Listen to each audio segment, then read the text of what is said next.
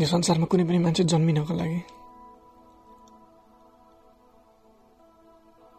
उसकी आमालाई कुनै समयमा रजस्वला भएको हुनुपर्छ। तर तर हाम्रो देशमा चाहिँ कतिपय ठाउँमा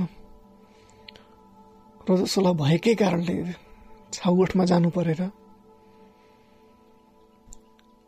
त्यो छाउगोठमा कहिले बलात्कार भएर कहिले सर्पले टोकेर कहिले विभिन्न रोग लागेर कहिले पहिरोले थिचेर कहिले जनावरले टोकेर जिन्दगी अन्त्य भएको छ। जे कारणले गर्दा जिन्दगी सुरु हुन्छ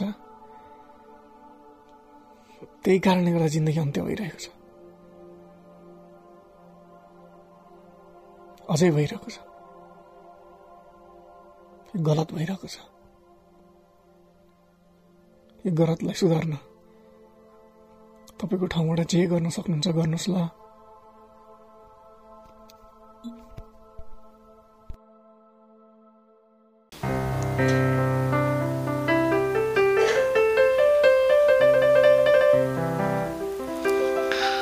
आमा मलाई फेरि रजस्वला भएको कुरा त्यो घामले पनि थाहा पाइसकेछ।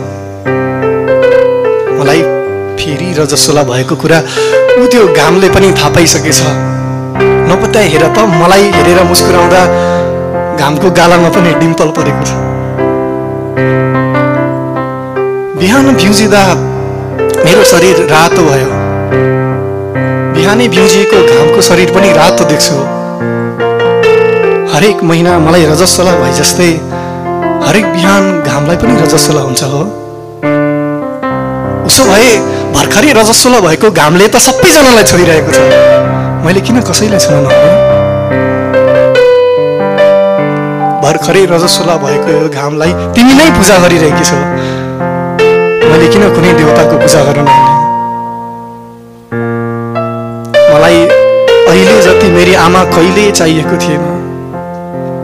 मलाई अहिले जति मेरी आमा कहिल्यै चाहिएको थिएन यो खबर मेरा आँखाहरू तिम्रो ओठमा पठाउँदैछन्। तर तिमी मलाई छाउ गोठमा पठाउँदैछौ। म त तिम्रो भाग्य हौ आमा। म त तिम्रो भाग्य हौ। तिमी आफ्नै भाग्यलाई कसरी पठाउन सक्छौ त्यो गोठमा जहाँ भाग्य लेखिएको नि राग ठोकिन्छ कि भन्ने डरले हावा पनि टाउको निहुराएर मात्रै छिर्छ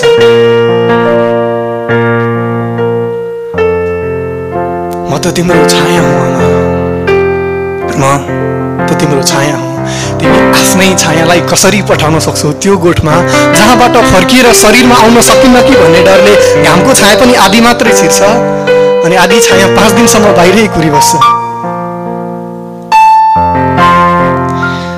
तिमीलाई त थाहै छ यस्तो बेला पेट पेट यस्तरी दुख्छ।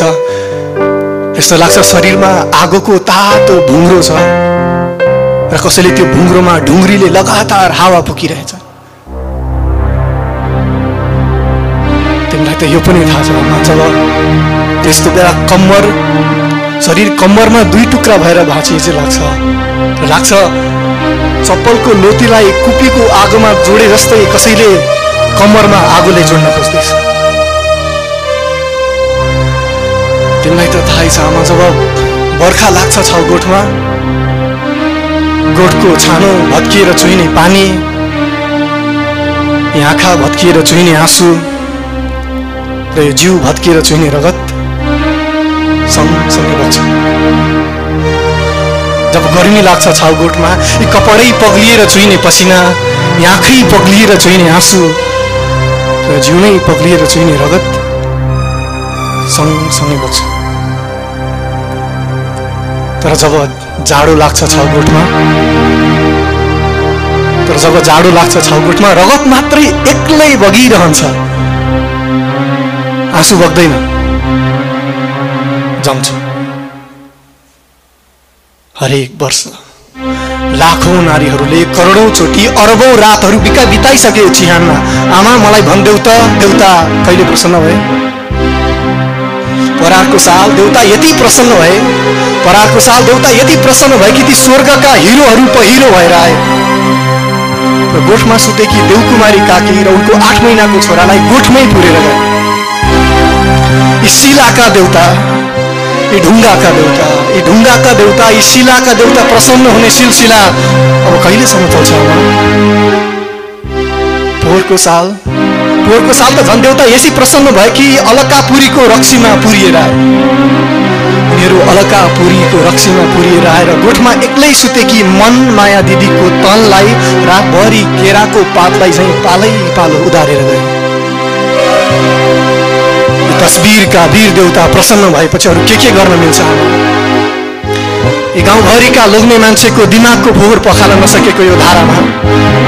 यी गाउँभरिका लोग्ने मान्छेको दिमागको फोहोर पखाल नसकेको यो धारामा मैले मेरो फोहोर भएको शरीर पखाल्दा भोलि देवी मसँग रिसाएर मलाई निसन्तान बनाउँछिन् भने अब त म चिन्छु चिन्छु। कुन सन्तान जन्माएकी देवीले मलाई निसन्तान बनाउँदै रहेछन् यी देवीहरूको चाहिँ रजस्वला हुन्छ कि नै? बाले छि भनेर छोडेको बाछी। बाले छि भनेर छोडेको बाछी गाई हुन्जेलसम्म मैले कष्टले हुर्काएको गाईको दुध। मलाई कष्ट भएको बेला मैले पिउँदा भोलि देवी मसँग रिसाएर मेरो पतिको आयु घटाउँछिन् भने अब त म चिन्छु चिन्छु कुन रङ्गी देवीले मेरो सुँदोको रङ उडाउँदै रहेछन् यी देवीहरूको चाहिँ रजस्वला हुन्छ कि नै? आमा आमा मलाई छोएर हाँसेको घामले तले गाउँलेहरू सबैलाई छोइसक्यो। अब जाऊ आमा बालाई भनिदेऊ। पहिले हरेक महिना हजुरआमाको शरीरबाट रगत बगेकाले मात्रै। जाऊ आमा बालाई भनिदेऊ पहिले हरेक महिना हजुरआमाको शरीरबाट रगत बगेकाले मात्रै। आज हरेक पल बाको नसामा रगत बग्दैछ। र यो कुरा चाहिँ बाको कानैमा गएर भनिदिनु कि भर्खरै रजसला भएकी उनकी छोरी छाउपडी गोठ होइन मन्दिर गएकी छ। देउतासँग एउटा अनौठो वरदान माग्नु। हे लोग्ने मुन्ठेका देउता यी संसारका सारा नारीको रजस्वला आजैबाट सधैँका लागि बन्द होस्। ब्रह्माजी हो ब्रह्माजी उठ्नुहोस्।